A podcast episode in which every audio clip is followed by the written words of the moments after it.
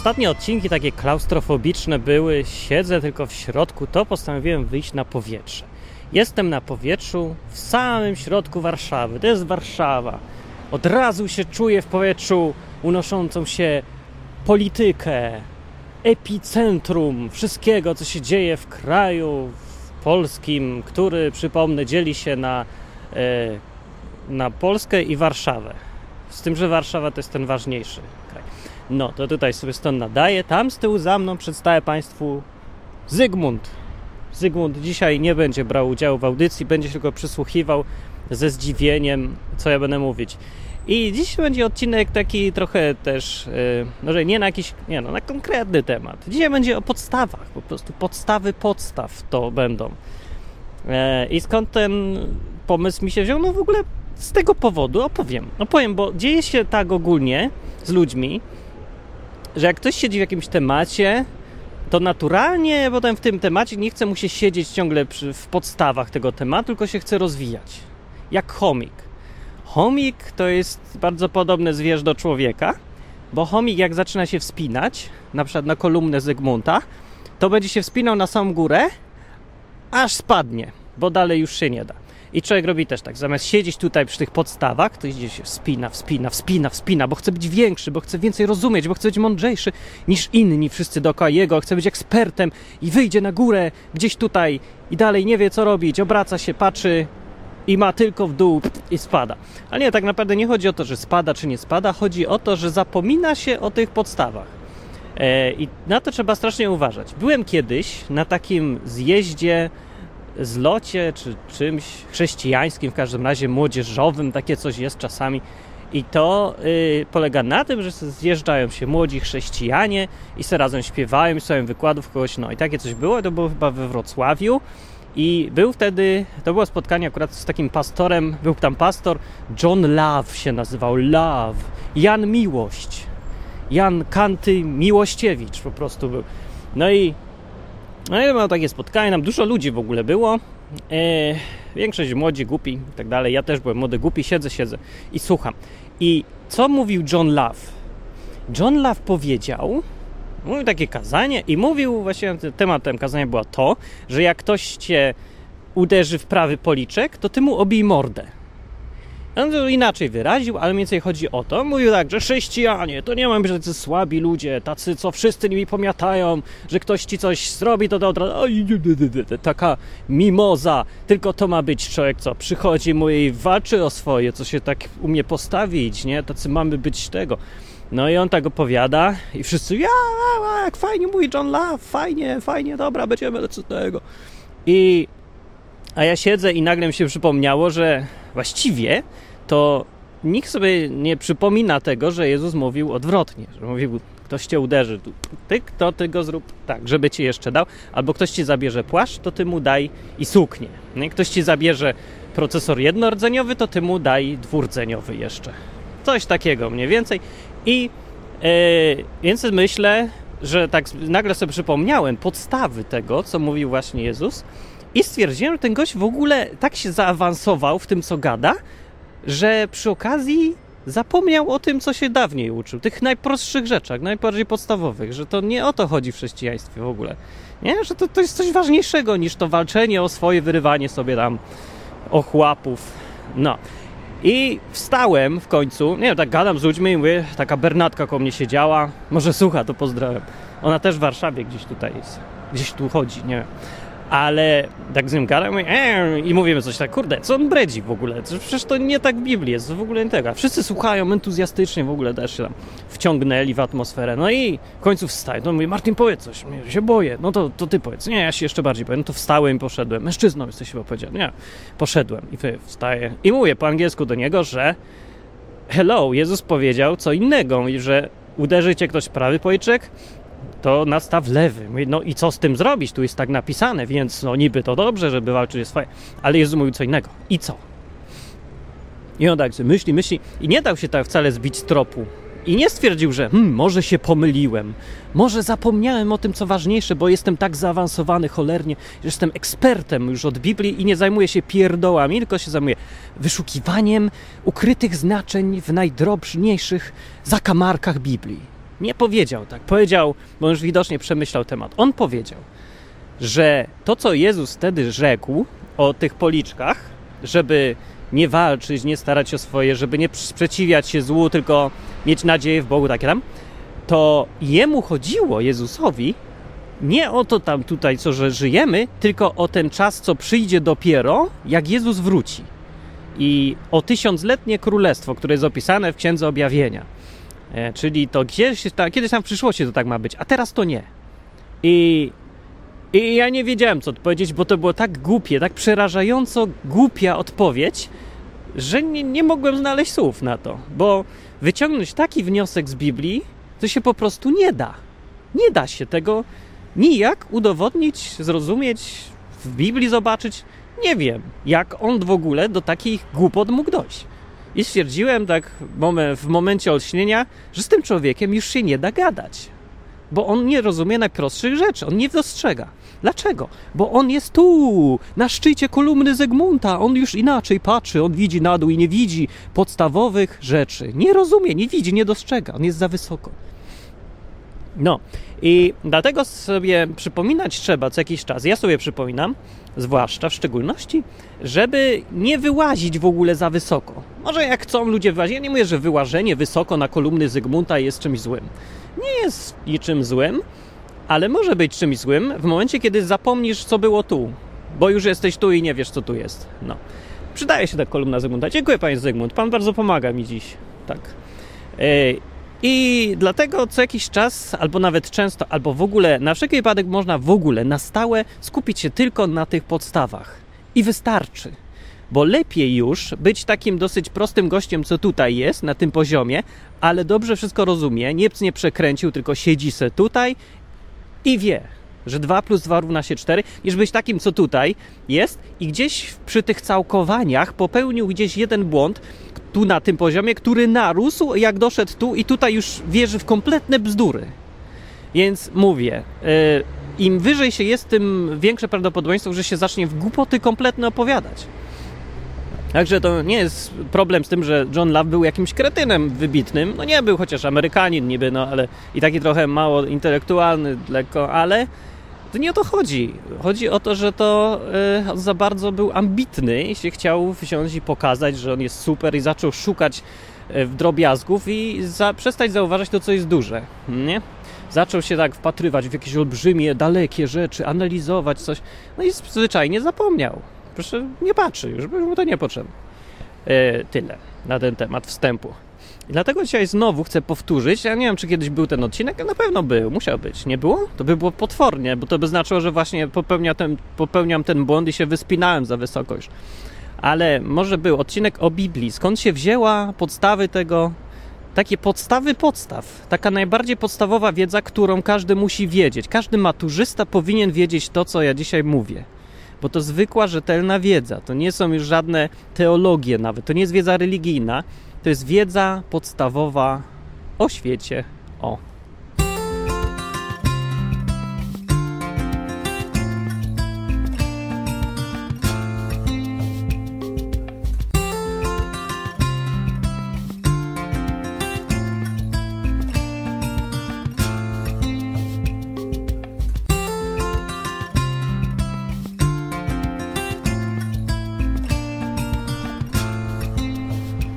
Zygmunt już mi nie będzie potrzebny, to olać na razie Zygmunta i skupmy się na tym zameczku z tyłu. Nie, naprawdę skupmy się na tym, na czym, o czym jest temat. A temat jest o podstawach podstaw Biblii. I wyszedł mi ten pomysł, potrzeba, żeby o tym coś powiedzieć, tak w skrócie. No, no w ogóle za długie wstępy robię, to miało być takie skrótowe. Ale jak już gadam, to gadam. No, chodzi, yy, stąd się to wzięło, że wziął, napisał do mnie, znaczy dosyć często gadał z ludźmi na gadu, przychodzą, mailami piszą, pytają o coś tam. No i ostatnio przed gość i zaczął mi mówić, że się z Biblią to ja nie wierzę w Biblii, bo ja nie potrzebuję Biblii. Do mnie tam Jezus we śnie coś powiedział, bla, bla, bla, coś tam. No, jeśli go, czemu nie... Nie, nie, już wiem, to się zaczęło od tego. Nie, już wiem. To był początek był taki, że człowiek mnie zapytał, czy yy, też jesteś wegetarianinem?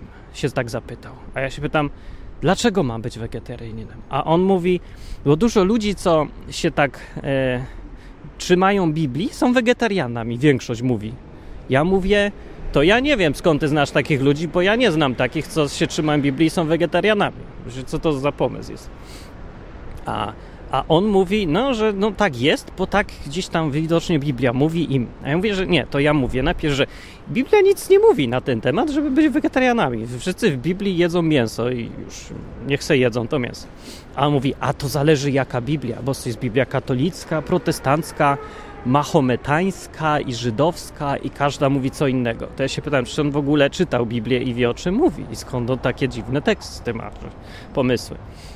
No i, no i tak zaczęliśmy gadać o Biblii. Gdzieś tam przy okazji on powiedział, że a co to można wiedzieć o Biblii, skoro była kopiowana przez 2011 lat. Z czego ja już byłem po tym momencie absolutnie pewny, że człowiek nie ma bladego pojęcia o samych podstawach podstaw, skoro twierdzi, że od y, Biblia cała powstała w roku 0 i się ją kopiuje od tego czasu do roku 2011 widocznie ręcznie, bo komputery przy okazji jak wymyślili, czy tam druk, jakiś Gutenberg, to nieważne, trzeba dalej je kopiować. Także no trochę tego. Stwierdziłem, że ludzie, skoro że to nie był taki wyjątek znowu, bo większość ludzi ma problemy właśnie, żeby takie podstawowe, podstawową wiedzę mieć, nie? I myślę sobie, że ludzie, po co ja tu mam gadać o końcu świata, jakichś zaawansowanych rzeczach w Biblii, o tym, co Biblia, tam, nie wiem, no, o świecie duchowym, o wyrzucaniu demonów, skoro człowiek nie wie nawet tego, jak ta Biblia powstała, i uważa do tej pory, że ciągle, że jest Biblia katolicka, protestancka, żydowska i muzułmańska, już w ogóle ciekawe, i każda jest inna, uważa, że no nie wiem, no trzeba zacząć znowu, cofamy się do zera, do zera się cofnijmy, żeby to był naprawdę odcinek dla każdego. No to teraz informacje, dla, tak, dla ciebie człowieku, ty nie musisz wiedzieć, być zaawansowany. Najważniej, najważniejsze, co, najważniejszą podstawą podstaw, od której trzeba zacząć, zanim się w ogóle powie o Biblii, jest to, że ja tu jestem i ty tam jesteś i my tu żyjemy. I problem polega na tym, i to jest naprawdę pierwsza podstawa, pierwszy punkt każdego analizowania wszystkiego, co się dotyczy Boga i Biblii, to jest to, że umrzemy. I to nie jest mój jakiś pomysł, który można wierzyć albo nie wierzyć, chociaż naprawdę wszystko wskazuje na to, że nie umrzemy. Bo ja jak żyłem, tak i żyję. Do tej pory ani razu jeszcze nie umarłem. To dlaczego miałbym umrzeć? No.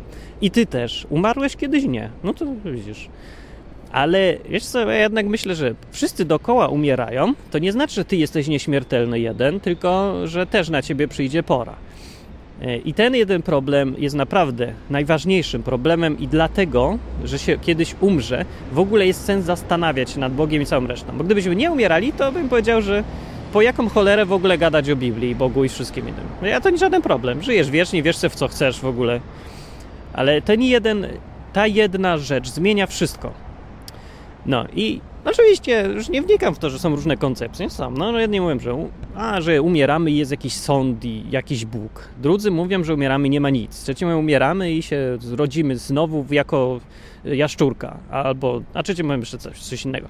No więc jeżeli nawet nie chce się wnikać, która, który pogląd ma jakie postawy, skąd się wziął i na ile jest prawdopodobny, to weź przynajmniej tyle zrób minimum wysiłku umysłowego i sobie uświadom, że wszystkie możliwości są prawdopodobne i trzeba na wszystkie się przygotować.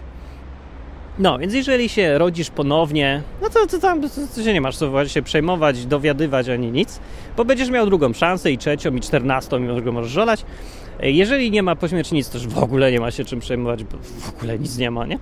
Ale, ale jeżeli po śmierci to jest to życie nasze, to jest tylko jedna próba i po śmierci jest sąd, egzamin, od razu cyk, egzamin, i zdałeś albo nie zdałeś, no to trzeba się już przyłożyć. I dlatego jest ten program www.odwyk.com i dlatego się gada o Biblii i dlatego się lepiej przyłożyć, dowiedzieć się czegoś, skąd się wzięła Biblia i Koran i wszystkie te inne rzeczy, które mogą pomóc w wyjaśnieniu tej sprawy, dlaczego umieramy i co może być potem i jak się na to przygotować. Jasne, to jest pierwszy punkt, naprawdę najważniejszy. I z tego powodu trzeba wiedzieć przynajmniej trochę o Biblii. No, nie po to, żeby w nią wierzyć, jakby, tylko po to, żeby wiedzieć, czy w ogóle ją brać pod uwagę, czy wypieprzyć na śmietnik, bo to jest ściema. Skąd się ta wzięła Biblia? Najprostsze informacje. No, napisali ją ludzie, pisało ją około 50 osób i ze 20 redagowało, Różnica między pisaniem a redagowaniem jest taka, że jak ktoś pisze, to bierze, pisze, a redakcja polega na tym, że bierzesz to, co napisane, układasz w całość, przekreślisz, przeniesiesz, połączysz, dodasz numerację, poprawisz błędy. I powiesz, że to twoje na końcu. No, to na tym to polega. Y, cóż bym rzec jeszcze miał? Dobrze, więc tyle osób pisało. Nie powstała ona jakoś tak pyk od razu nagle. W ogóle nic nie powstało jak pyk od razu nagle. Ludzie mają wyobrażenie, że książka to jest tak, że a, myślisz sobie dziś napiszę, to jutro skończę, a pojutrze będzie w księgarniach. No ludzie, ludzie. E, realizmu trochę. Więc Biblia powstawała, Stary Testament przez prawie tysiąc lat. 900 coś chyba, mniej więcej. Nie wiadomo do końca ile. E, Im dalej w przeszłość, tym mniej można być pewnym, ale tyle mniej więcej. No. 900 lat. Także od razu odpada teoria o spisku, że ktoś jeden pisał Biblię. No nie pisał jeden, pisał 50 osób i nie mogli się znać, bo żyli w ciągu 900 lat. W różnych okolicznościach, w obszarach też różnych, na obszarach różnych to pisali.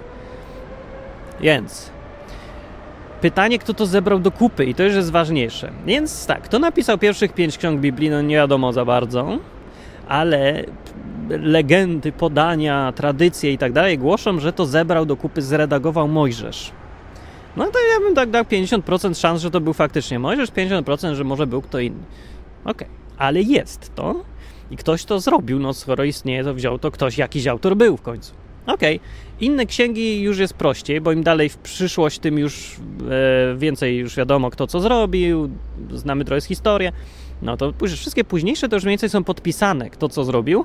E, księgi proroków to, to napisał ten prorok, albo komuś dyktował, a ktoś zapisywał. To było normalne w tamtych czasach, że byli osobni pisarze, takie sekretarki, oni wszystko zapisywali. No, także wiadomo na przykład, że proroka Jeremiasza słowa spisywał niejaki Baruch, Baruch, bo o nim jest wzmianka, że to spisywał. I tam gdzieś się koło niego plątał, pisał tam, pomagał i w ogóle. E, I nawet jest gdzieś chyba księga Barucha. To nie, jest, nie wchodzi w zakres Biblii, ale se gdzieś jest też. Nie czytałem, nie wiem. No, dobra. No i tyle co do Starego Testamentu. Tak został napisany. Nowy Testament pisało też tam ze 20 osób chyba. E, w Nowym Testamencie jest, Nowy Testament jest dużo bardziej udokumentowany niż Stary, także wiadomo kto co pisał, dużo bardziej i pewniejsze to jest. E, znamy więcej o historii powstawania Nowego Testamentu, bo to się działo w czasach Rzymu. I o czasach Rzymu wiemy od cholery. Jest mnóstwo dokumentów, tekstów, pozostałości. Także to nie jest ściema. To wszystko się działo na pewno. E, powstawał w ciągu około 90 lat, czy tam 100 lat, na, prze, na przedziale 100 lat. Także, że mniej nawet, 50 może, coś koło tego. Najwyżej to nie pamiętam już, mogę się pomylić, ale to jest niedużo. I tu mógł być spisek, tak, mogli się znać i sobie spisać coś. E, no, mógł być, nie? Dobra. Teraz, żeby nie było e, nieporozumień, w jakich językach. Jeszcze Stary Testament jest pisany w, po hebrajsku, oprócz jednej księgi, gdzieś tam to jest po, po aramejsku, no jest bardzo podobne języki. Nowy Testament po grecku. To jest dosyć ważne, bo i hebrajski, i grecki są jednymi z nielicznych języków starożytnych, które się zachowały i których się używa do dziś. Także dosyć niesamowity zbieg okoliczności. No i dzięki temu, między innymi, można być y, bardzo dobrze od no, wiedzieć, co tam jest napisane, odgadnąć te słowa brakujące czy coś, bo te języki są ciągle znane, aktywne, nie? Że nie jakiś wymarły język i wszystko to jest zgadywanka. Tu nie ma zgadywanki, to wszystko, co napisane, to wiadomo. E, dobra, i teraz y, skąd my mamy pewność, że to, co napisali ci ludzie na razie, ciągle ci ludzie, mamy tekst, jak analizujemy jak zwykłą książkę, że to, co napisali, to jest to, co my czytamy dziś. Bo my czytamy w ogóle, nie znamy greki, nie znamy hebrajskiego przeważnie. Musimy czytać tłumaczenie, i to jeszcze kopiowane ileś razy. Także jak ktoś nie zna się na temacie, to on może mieć wątpliwości, że to jest ściema, bo to jest nie dość, że głuchy telefon, to jeszcze tłumaczony przez ludzi, którzy mają swój interes w jakimś tam tłumaczeniu, bo to są ludzie z jakiejś kościołów, organizacji czy coś. No dobrze, ale to jak się chce nie mieć wątpliwości, to trzeba zbadać temat, a nie mówić, że na oko wydaje się, że to jest kicha. Na oko się wydaje, to teraz weź i popatrz bliżej. No więc jak się popatrzy bliżej, to co wiemy? E, wiemy, że najstarszy Stary Testament, znaleziony w całości, przepisywany rzeczywiście, e, pochodzi z roku 1010 i nazywa się to Kodeks Leningradzki. Co to są te kodeksy i te nazwy? Kodeks to jest po prostu zbiór manuskryptów, najpierw powiem, co to jest manuskrypt. Manuskrypt, naj, najprostsze rzecz. Manuskrypt to jest kawałek papieru, papirusa czy czegoś, na którym ktoś coś napisał. Koniec, manuskrypt. Po prostu kartka z napisanym tekstem. Albo kartki. No. Yy, no niekoniecznie z papieru te kartki. To jest manuskrypt, ok?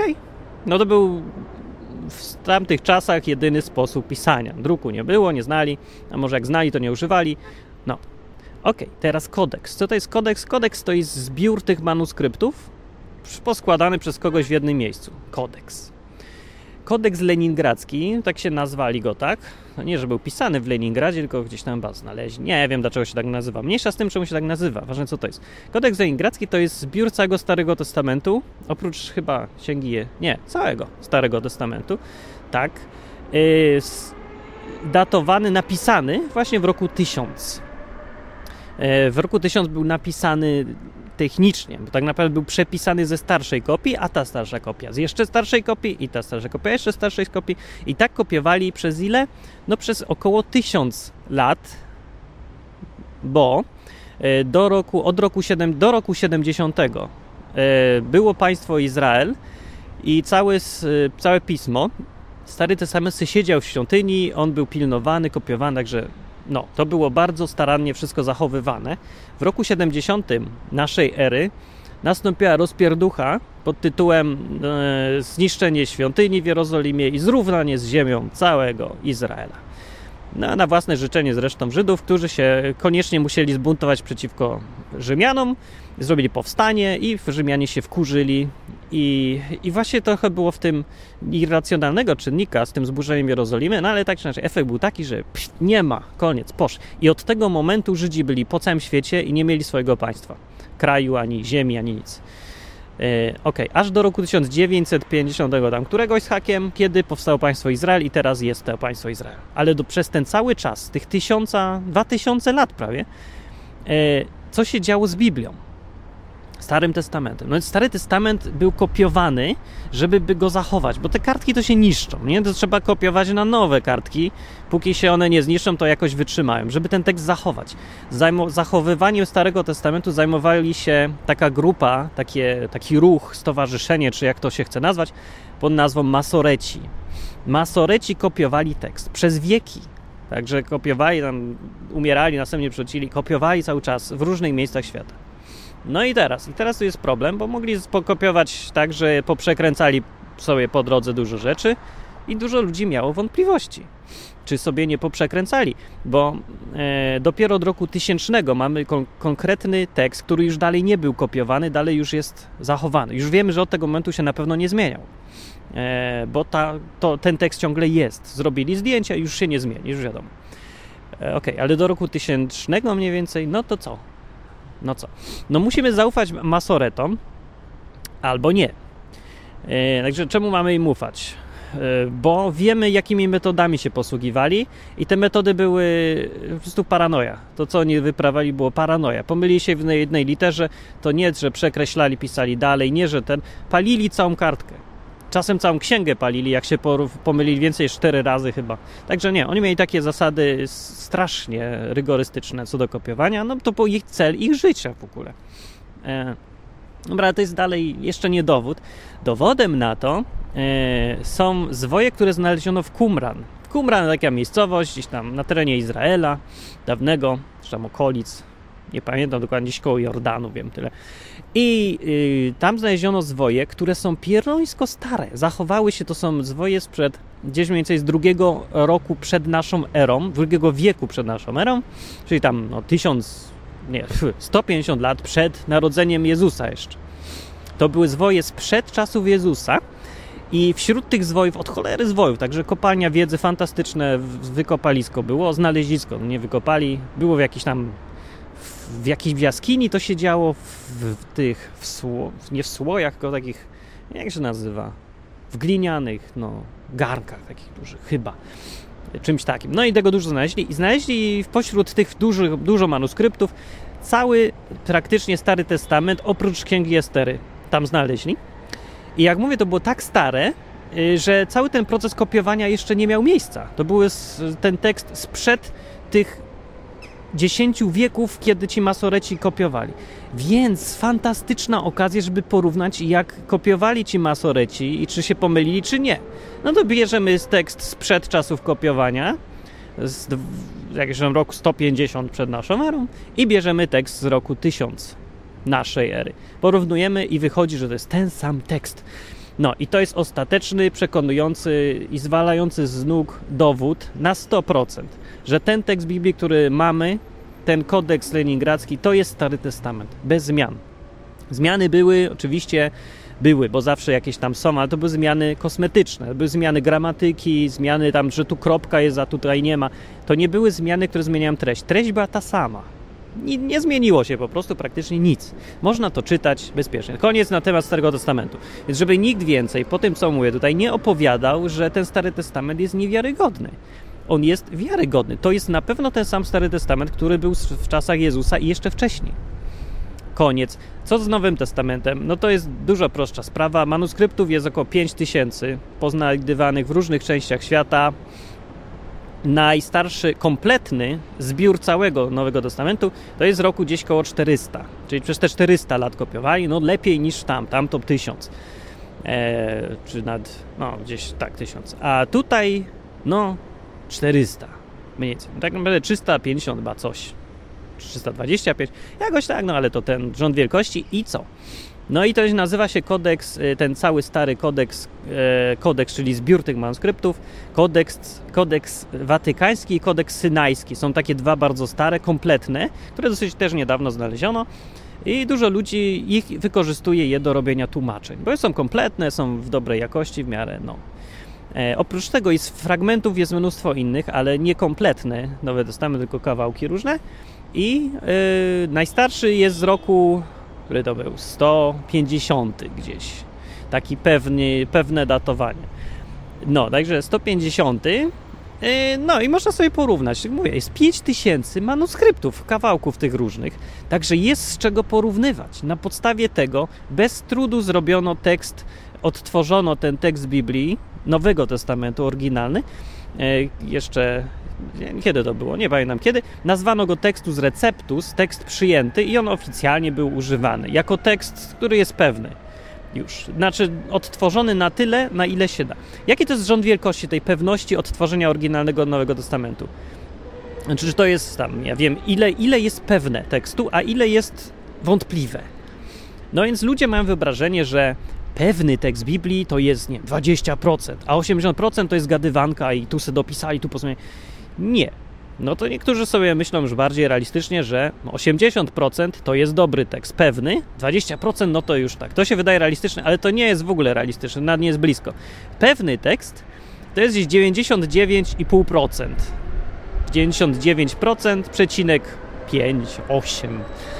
Tekst niepewny to jest mniej niż procent to jest tam promil, kilka promili, to jest tekst, na który, co do którego można mieć wątpliwości i to są te takie różnice, że tu przecinka, tu nie ma, tu jest słowo, gdzieś tam jedno zdanie wypadło, raz się dodało i nad tym można dyskutować. No mówię, 99 ponad procent jest pewna absolutnie. Więc tutaj, w tym przypadku Nowego Testamentu też mi głupot nie opowiadać, proszę, ani nikomu dookoła, że nie jest niemożliwe, to nie, na pewno jest ten tekst, że to kopiowali długo, kto to może wiedzieć?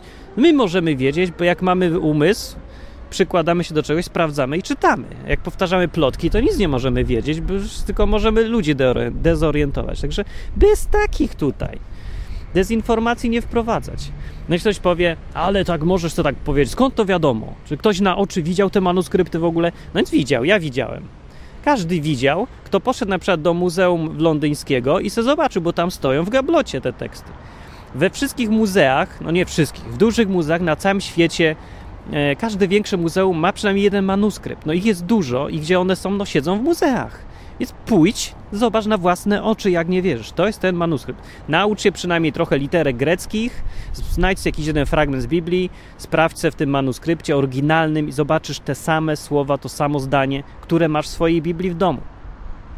Teraz sprawa co do tłumaczeń jeszcze żeby znowu nie było rany. To już mnie naprawdę nudzi mnie to tłumaczenie ludziom, że nie ma czegoś takiego jak Biblia katolicka, Biblia protestancka, Biblia żydowska, Biblia muzułmańska i jeszcze jakaś inna kosmiczna Biblia. Nie ma takich rzeczy w ogóle.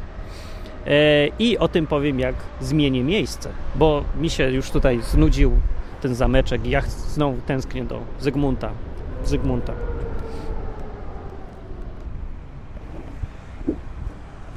Z powodu takiego prostego, że większość ludzi nie zna greki, nie zna y, hebrajskiego, y, to trzeba Biblię było potłumaczyć na jakieś języki bardziej znane. I tutaj znowu jest pole do popisu dla wszystkich, którzy lubią spiskowe teorie dziejów, bo wiadomo, że można sobie powiedzieć, że w trakcie tłumaczenia coś sobie pododawali, pozmieniali, poprzekręcali całkiem Biblię i teraz to już się niczego nigdy nie dowiemy.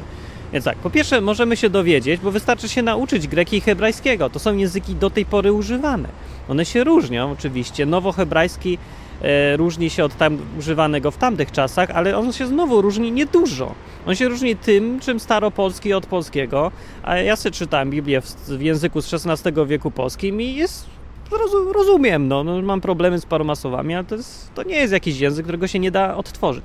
Więc to nie jest język jakiś sumeryjski, hebrajski, to nie jest sumeryjski, ani to, to, moje, nie jest wymarły język.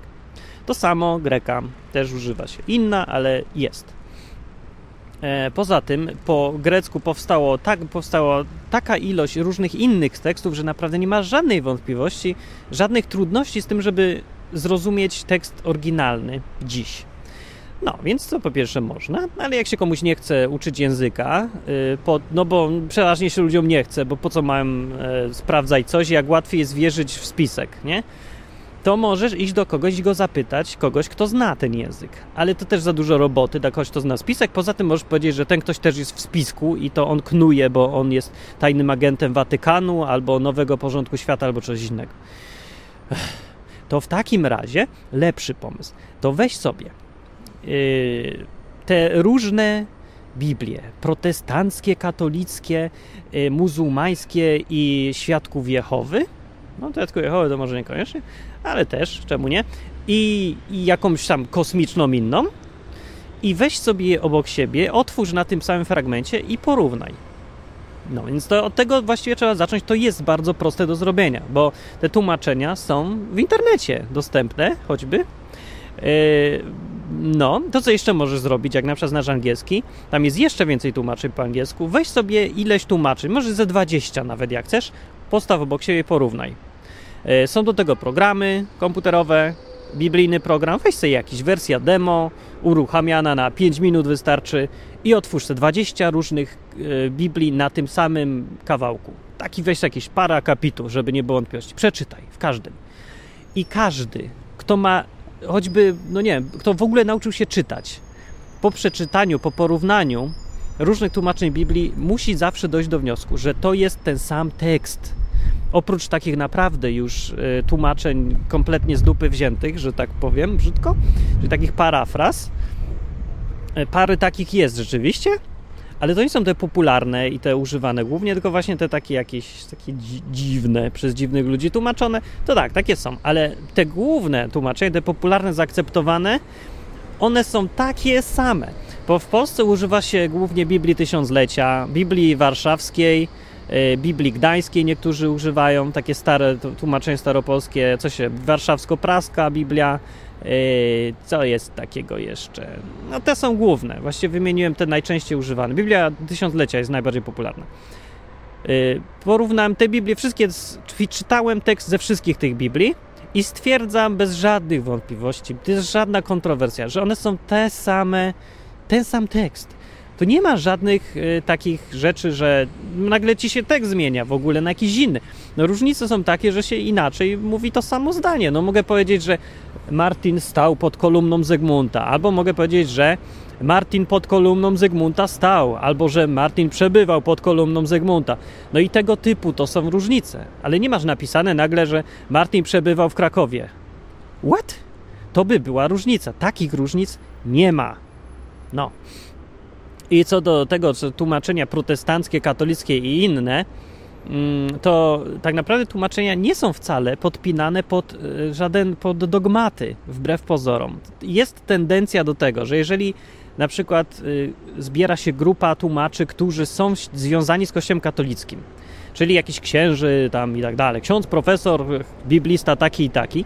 I on się zabiera za tłumaczenie Biblii, no to oczywiście, że e, gdzieś tam będzie widać ten jego wiarę w te jego poglądy katolickie przy tłumaczeniu, ale to mówię, to są śladowe ilości, bardzo małe i, I tylko dla tych, którzy już chcą się bardzo wnikać w tą Biblię. Na tym poziomie podstawowym tu, tu, na, takiego zrozumienia Biblii, o czym ona w ogóle mówi, to jest naprawdę wszystko jedno, jakiego użyjesz tłumaczenia. I te tłumaczenia się nie różnią. Nie ma czegoś takiego, że znajdziesz Biblię tysiąclecia, czyli w cudzysłowie katolicką. Nie jest katolicka tłumaczenie, to jest po prostu tłumaczenie, które Kościół katolicki zaakceptował sobie i zlecił do tłumaczenia. Ale wszyscy czytają i dobrze. I weźmiesz sobie Biblię warszawską, która jest popularna wśród protestantów, ale to nie jest dalej protestancka Biblia. Biblia nie należy do kościoła. Biblia jest dużo starsza niż powstały te wszystkie kościoły. No, to jak weźmiesz sobie te dwie obok siebie, to możesz wczytać jedną i drugą wszystko jedno. Obie ci powiedzą, że Biblia nie popiera yy, czego tam, wegetarianizmu, nie popiera jakoś, albo sam jeszcze ktoś mnie pytał z takich rzeczy. Znaczy wszystko inne. I w jednym znajdziesz to, co dotyczy, że nie ma czyśćca i w drugiej też, że nie ma czyśćca na przykład. Nie zobaczysz tego, bo tam nie ma. W jednej i w drugiej. Że mówię, no to nie wiem, jak to w ogóle ludziom wytłumaczyć, którzy na oczy Biblii nie widzieli, że nie ma takich problemów w ogóle, jakie oni sobie wyobrażają. No i tyle na ten temat, bo ja nie wiem, jak jeszcze inaczej przekonać. Jedynym przekonaniem, najprostszym dla wszystkich spiskowych ludzi, nie, i właśnie na tym skończę. O, tak powiem. To nie ma sensu przekonywać, bo jak ktoś sobie bzdura w głowie coś i chce strasznie w to wierzyć i, tak, i mówi, że nic mnie nie przekona, no żadne, nic co bym przeczytał nie przekona mnie, że nie mam racji. To znaczy, że ten człowiek jest, y, w ogóle nie chce wiedzieć, jak jest naprawdę, tylko chce wierzyć w, co, w to, co sobie wymyślił. To po co w ogóle z nim gadać? Jak on chce wierzyć w to, w co chce wierzyć, a nie to, co jest, to niech chce wierzy, no to cóż mu zrobisz? No, nie, nie możesz go wytłumaczyć, wytłumaczyć mu nijak, bo on od razu ci z góry zapowiada, że co byś mu nie mówił, to on i tak nie będzie w to wierzył, bo on woli swoje. On po prostu chce mieć własny świat. On nie chce żyć w świecie, który jest, taki człowiek, tylko on chce żyć w innym świecie. On chce stworzyć swój świat.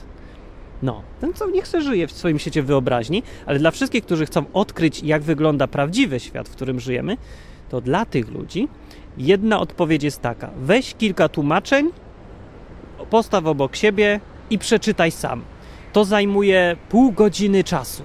No godzinę, jak ktoś chce bardzo starannie przejrzeć wszystkie tłumaczenia. Po tej godzinie ten człowiek, e, zapytajcie go, czy dalej uważa, że Biblie protestanckie, katolickie i inne są różne.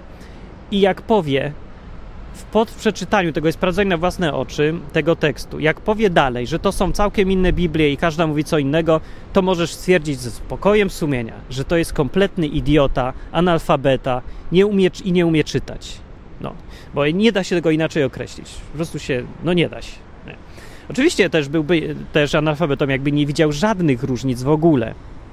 No bo muszą być różnice, jak ktoś tłumaczy ten sam tekst, zawsze dwóch tłumaczy inaczej go technicznie przetłumaczy. Pytanie jest, czy treść jest inna, czy nie.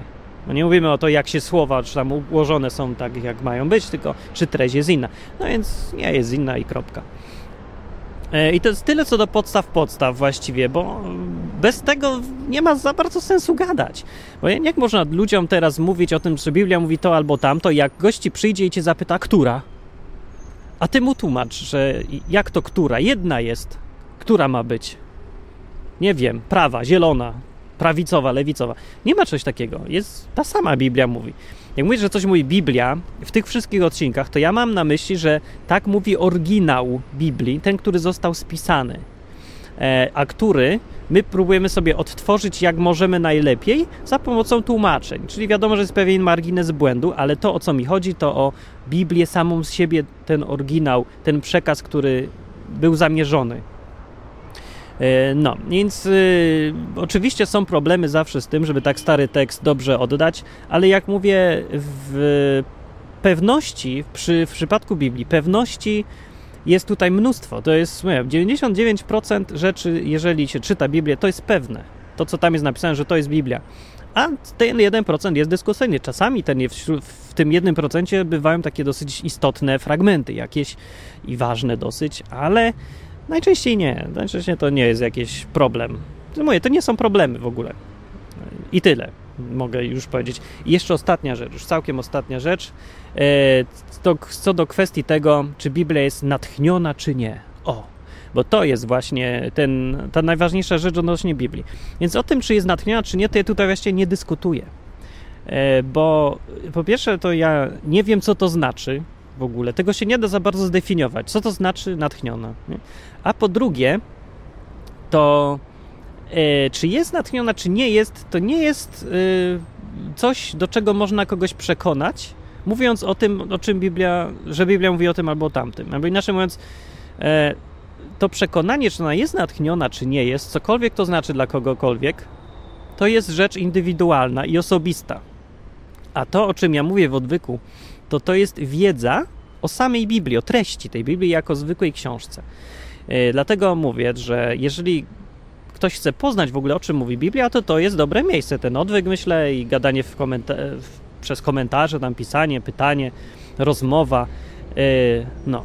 Ale jeżeli ktoś chce dojść do tego, czy chce zaufać tej Biblii jako natchnionej, to to już każdy musi indywidualnie, niestety, i na to nie ma no, nie da się przedstawić w sumie takich dowodów, czy no, przed, przedstawić tej sprawy natchnienia tak, jak się mówi o samej treści Biblii. Wiecie o co mi chodzi mniej więcej? No, trochę inna sprawa. No więc co do samego natchnienia, jeżeli jak to rozumieć, to jak, ja nie wiem, jak to ludzie rozumieją. Jedni uważają, że no, e, ci, co pisali Biblię, tylko większość z tych, nie wiem, ja mówię, że to było 50 osób, czyli każda z tych 50 osób, plus ci redaktorzy jeszcze, co składali, to oni jak pisali, to byli w transie, robili eee, i piszą, eee, nawet nie patrzą, bo to Bóg ich kieruje. Yy, więc nie, nie, tak nie było, tak nie było z pewnością. Chociaż w niektórych przypadkach to ja nie wiem, jak prorocy pisali, to oni dyktowali. Chyba oni, oni to musieli oczywiście jakoś wiernie. Nie wiem, że księga, ta Biblia jest bardzo różnorodna. Tam są księgi historyczne, tam są i proroctwa właśnie tak bezpośrednio od Boga mówione. Różne. Relacje z tego, jak Bóg z kimś gadał, tak ten, e, no. I, I co do natchnienia, więc e, to najczęściej się to rozumie tak, to słowo, bo ja go nie używam, bo dla mnie jest strasznie niejednoznaczne i nie lubię takich określeń, które nie wiem co znaczą, w Biblii tego nie ma, bo co to znaczy? Natchniona. E, no, ale tak większość ludzi rozumie, że to chodzi o to, że ktoś pisał, pisał, pisał to, co chciał napisać, napisał prawdę, i potem, ale Bóg go w jakiś dziwny sposób tak kierował, że to, co napisał, to napisał to, co Bóg chciał. I to mniej więcej by się zgadzało chyba. I z tym, jak ja z moich obserwacji, jak widzę, jak Bóg działa, że jakaś dziwna, tajemnicza siła, która steruje przypadkami, tak że one potem, no, idą w jednym kierunku, który jest bardzo precyzyjnie określony, nie? Jest tak, jakbym wylosował, nie wiem, o, zamk- sobie oczy i przeszedł przez tą tam ulicę 40 razy tam i z powrotem i nic mnie nie przejechało. Mniej więcej tak, coś takiego, nie? I to jest taka ingerencja tutaj Boga y, w ten tekst. I czy to jest y, do uwierzenia, czy nie? No ja nie wiem. No to jest taka... Czy dowód jakiś na to jest? Czy, że to jest właśnie natchniona w ten sposób ta księga? No ja wiem, czy jest dowód na to.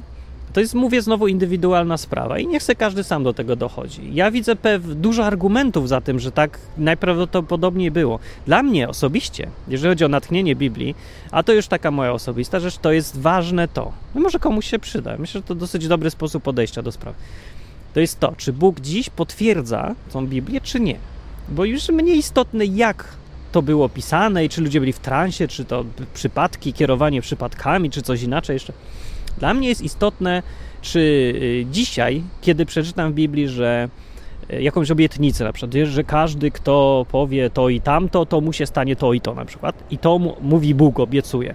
Czyli, że jeżeli się ja dziś zastosuję do tego, do tej obietnicy, to czy ten Bóg się przyzna i to zrobi faktycznie. I to, to już sobie trzeba wypróbować samemu. To jest właśnie to ryzyko, które czyni życie pięknym że nie ma czegoś takiego, że se raz wszystko nauczysz się, powiesz wyuczoną formułkę i będzie. Nie. To trzeba przeżyć samemu. Przeżyj to sam. Jak chcesz mieć związek jakikolwiek z Bogiem, zakładając, że On jest, jeżeli chcesz w ogóle odkryć, czy On jest, czy Jego nie ma, to nie unikniesz ryzyka. To będziesz musiał wziąć i wypróbować. Niestety. czy jest, czy nie ma. I to samo dotyczy Biblii. Jeżeli chcesz wiedzieć, czy to jest natchniona księga, czy nie, czy Bóg się przyznaje do nie, to musisz zaryzykować tak samo. Wziąć, przeczytać coś, uchwycić jakiegoś fragmentu, sprawdzić go i już. Ale zanim w ogóle dojdziesz do tego etapu, czy to ona jest natchniona, czy nie, to musisz w ogóle być przekonany, że to nie jest ściema. Bo jeżeli jest ściema, no to chociaż Dużo ludzi wierzy w księgi, pomimo, że to są kompletne bzdury i dalej uważam, że są natchnione. Przed jakieś tam księgi te wedyjskie, te wschodnie, nie? Tam są jakieś kompletne pierdoły. Z punktu widzenia takiego racjonalnego myślenia to są bzdury, nie? Że ziemia powstała przez wymiociny jakiegoś tam boga któregoś tam w kolejności, nie? Albo, że się opiera na trzech słoniach i siedmiu jaszczurkach i, i papudze. Nie wiem, co tam jest napisane dokładnie, muszę sobie przypomnieć i sprawdzić, ale to są tego typu rzeczy. Więc oczywiście z punktu widzenia racjonalnego teraz, że chcesz to analizować, czy naprawdę papuga może tyle udźwignąć i badasz teraz konstrukcję kości papugi, żeby zmierzyć ile może. Nie, złamała się, sorry. No to właśnie dojdziesz do wniosku, że to są bzdury i nie mogło tak być. Ale wielu ludzi e, ciągle uważa te księgi za natchnione, pomimo tego. One uważają, że to jest przekaz od Boga, czyli to jest to natchnienie w nich, że jak ja się będę tego trzymał, że te papugi noszą świat, to, to Bóg będzie na mnie przychylnie patrzył.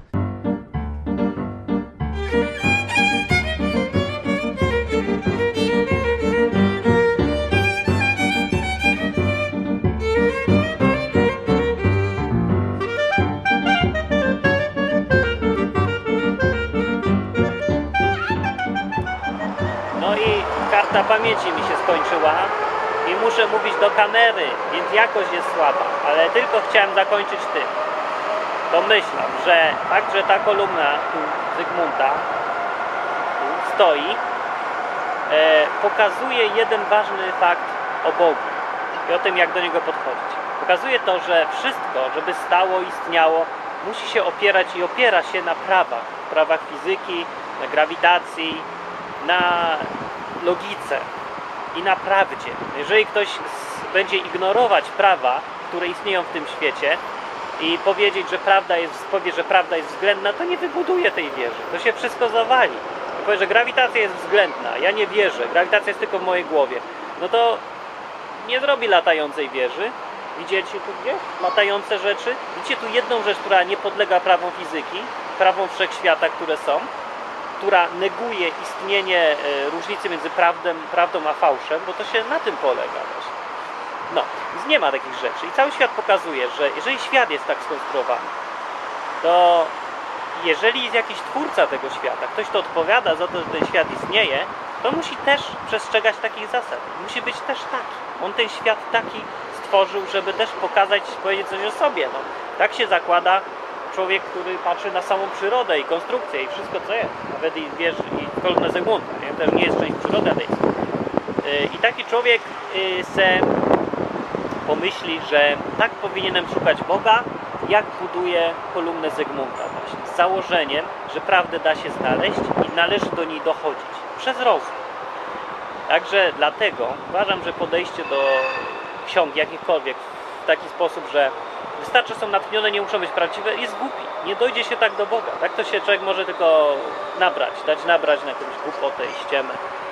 Więc dlatego to jest ważne, żeby najpierw uznać, że Biblia jest prawdziwa, że ten tekst jest zgodny z oryginałem, że to, co mówi, jest prawdziwe, jest prawdą zwyczajnie, że to się wytrzyma i dopiero potem szukać w niej natchnienia. To jest odpowiednia kolejność i dlatego też uważam, że E, ludzie, którzy racjonalnie chcą podchodzić do Boga, bardzo dobrze robią. Tak należy robić. Tylko w ten sposób więcej można dojść do Boga. Aczkolwiek ludzie, nie wierzą, nie wierzą nawet, że e, Biblia mówi prawdę, uważają, że trzeba, że tak, a może to ściemnia, a może część to nie jest prawda, nie muszę w to wierzyć, to jest jakiś sposób wyrażania się, coś tam, takie rzeczy to oni też mogą dojść do Boga, tylko no, dużo rzeczy, które będą wiedzieć, wierzyć, będą nieprawdziwe. No. I już, znaczy, będzie to jakaś szkoda, ale to no, dalej jest wiara. No i akurat zaryzykowali, no i patrz, może im się uda, nie? Akurat im się udało trafić w coś, co się okazało prawdą, nie? Nie jest powiedziane, że jak rzucę monetą, jeszcze pokażę jeden eksperyment, tak jest. Dawaj, nie zagłuszaj mnie. Rzuca monetą. Uwaga, moneta. Reszka, orzełek. Więc jedno podejście jest takie. Załóżmy, że orzełek reprezentuje prawdę, a y, reszka ściemę. Więc uwaga, wyszedł orzełek. I zrobię tak, że rzucam monetę, sprawdzam, jest orzełek, więc wiem, że to jest prawdziwe. Więc większość ludzi, dużo ludzi w ogóle robi tak, że ma monetę i nigdy nie sprawdza, co tam jest. I mówi, ja wierzę, że tam jest orzełek. I tak se żyje. I dużo ludzi tak żyje. Yy, No i, i są zadowoleni. Jeżeli, to że tak, że jeżeli się okaże, że tam był orzełek po śmierci, to mają rację i fajnie im wyszło. Jeżeli się okaże, że tam nie było orzełka, to mają przesrane. Dlatego, jeżeli masz okazję, to sprawdź, co tam jest. Najpierw sprawdź, a potem będziesz wiedział, czy to ma sens, czy nie. E, już. Nie, no, to, to jest takie moje podejście do Boga. Jak polecam, bardzo dobre podejście, bo zawsze masz okazję e, zabezpieczyć się przed tym, żeby nie zacząć wierzyć w jakieś kompletne bzdury, które się okażą potem nieprawdą. Będziesz miał przerąbane. No, a na koniec zobaczymy, co tam było. Sam koniec tego odcinka. Uwaga, co było? To zgadujemy. Jak myślicie, co tam było? Orzełek czy reszka?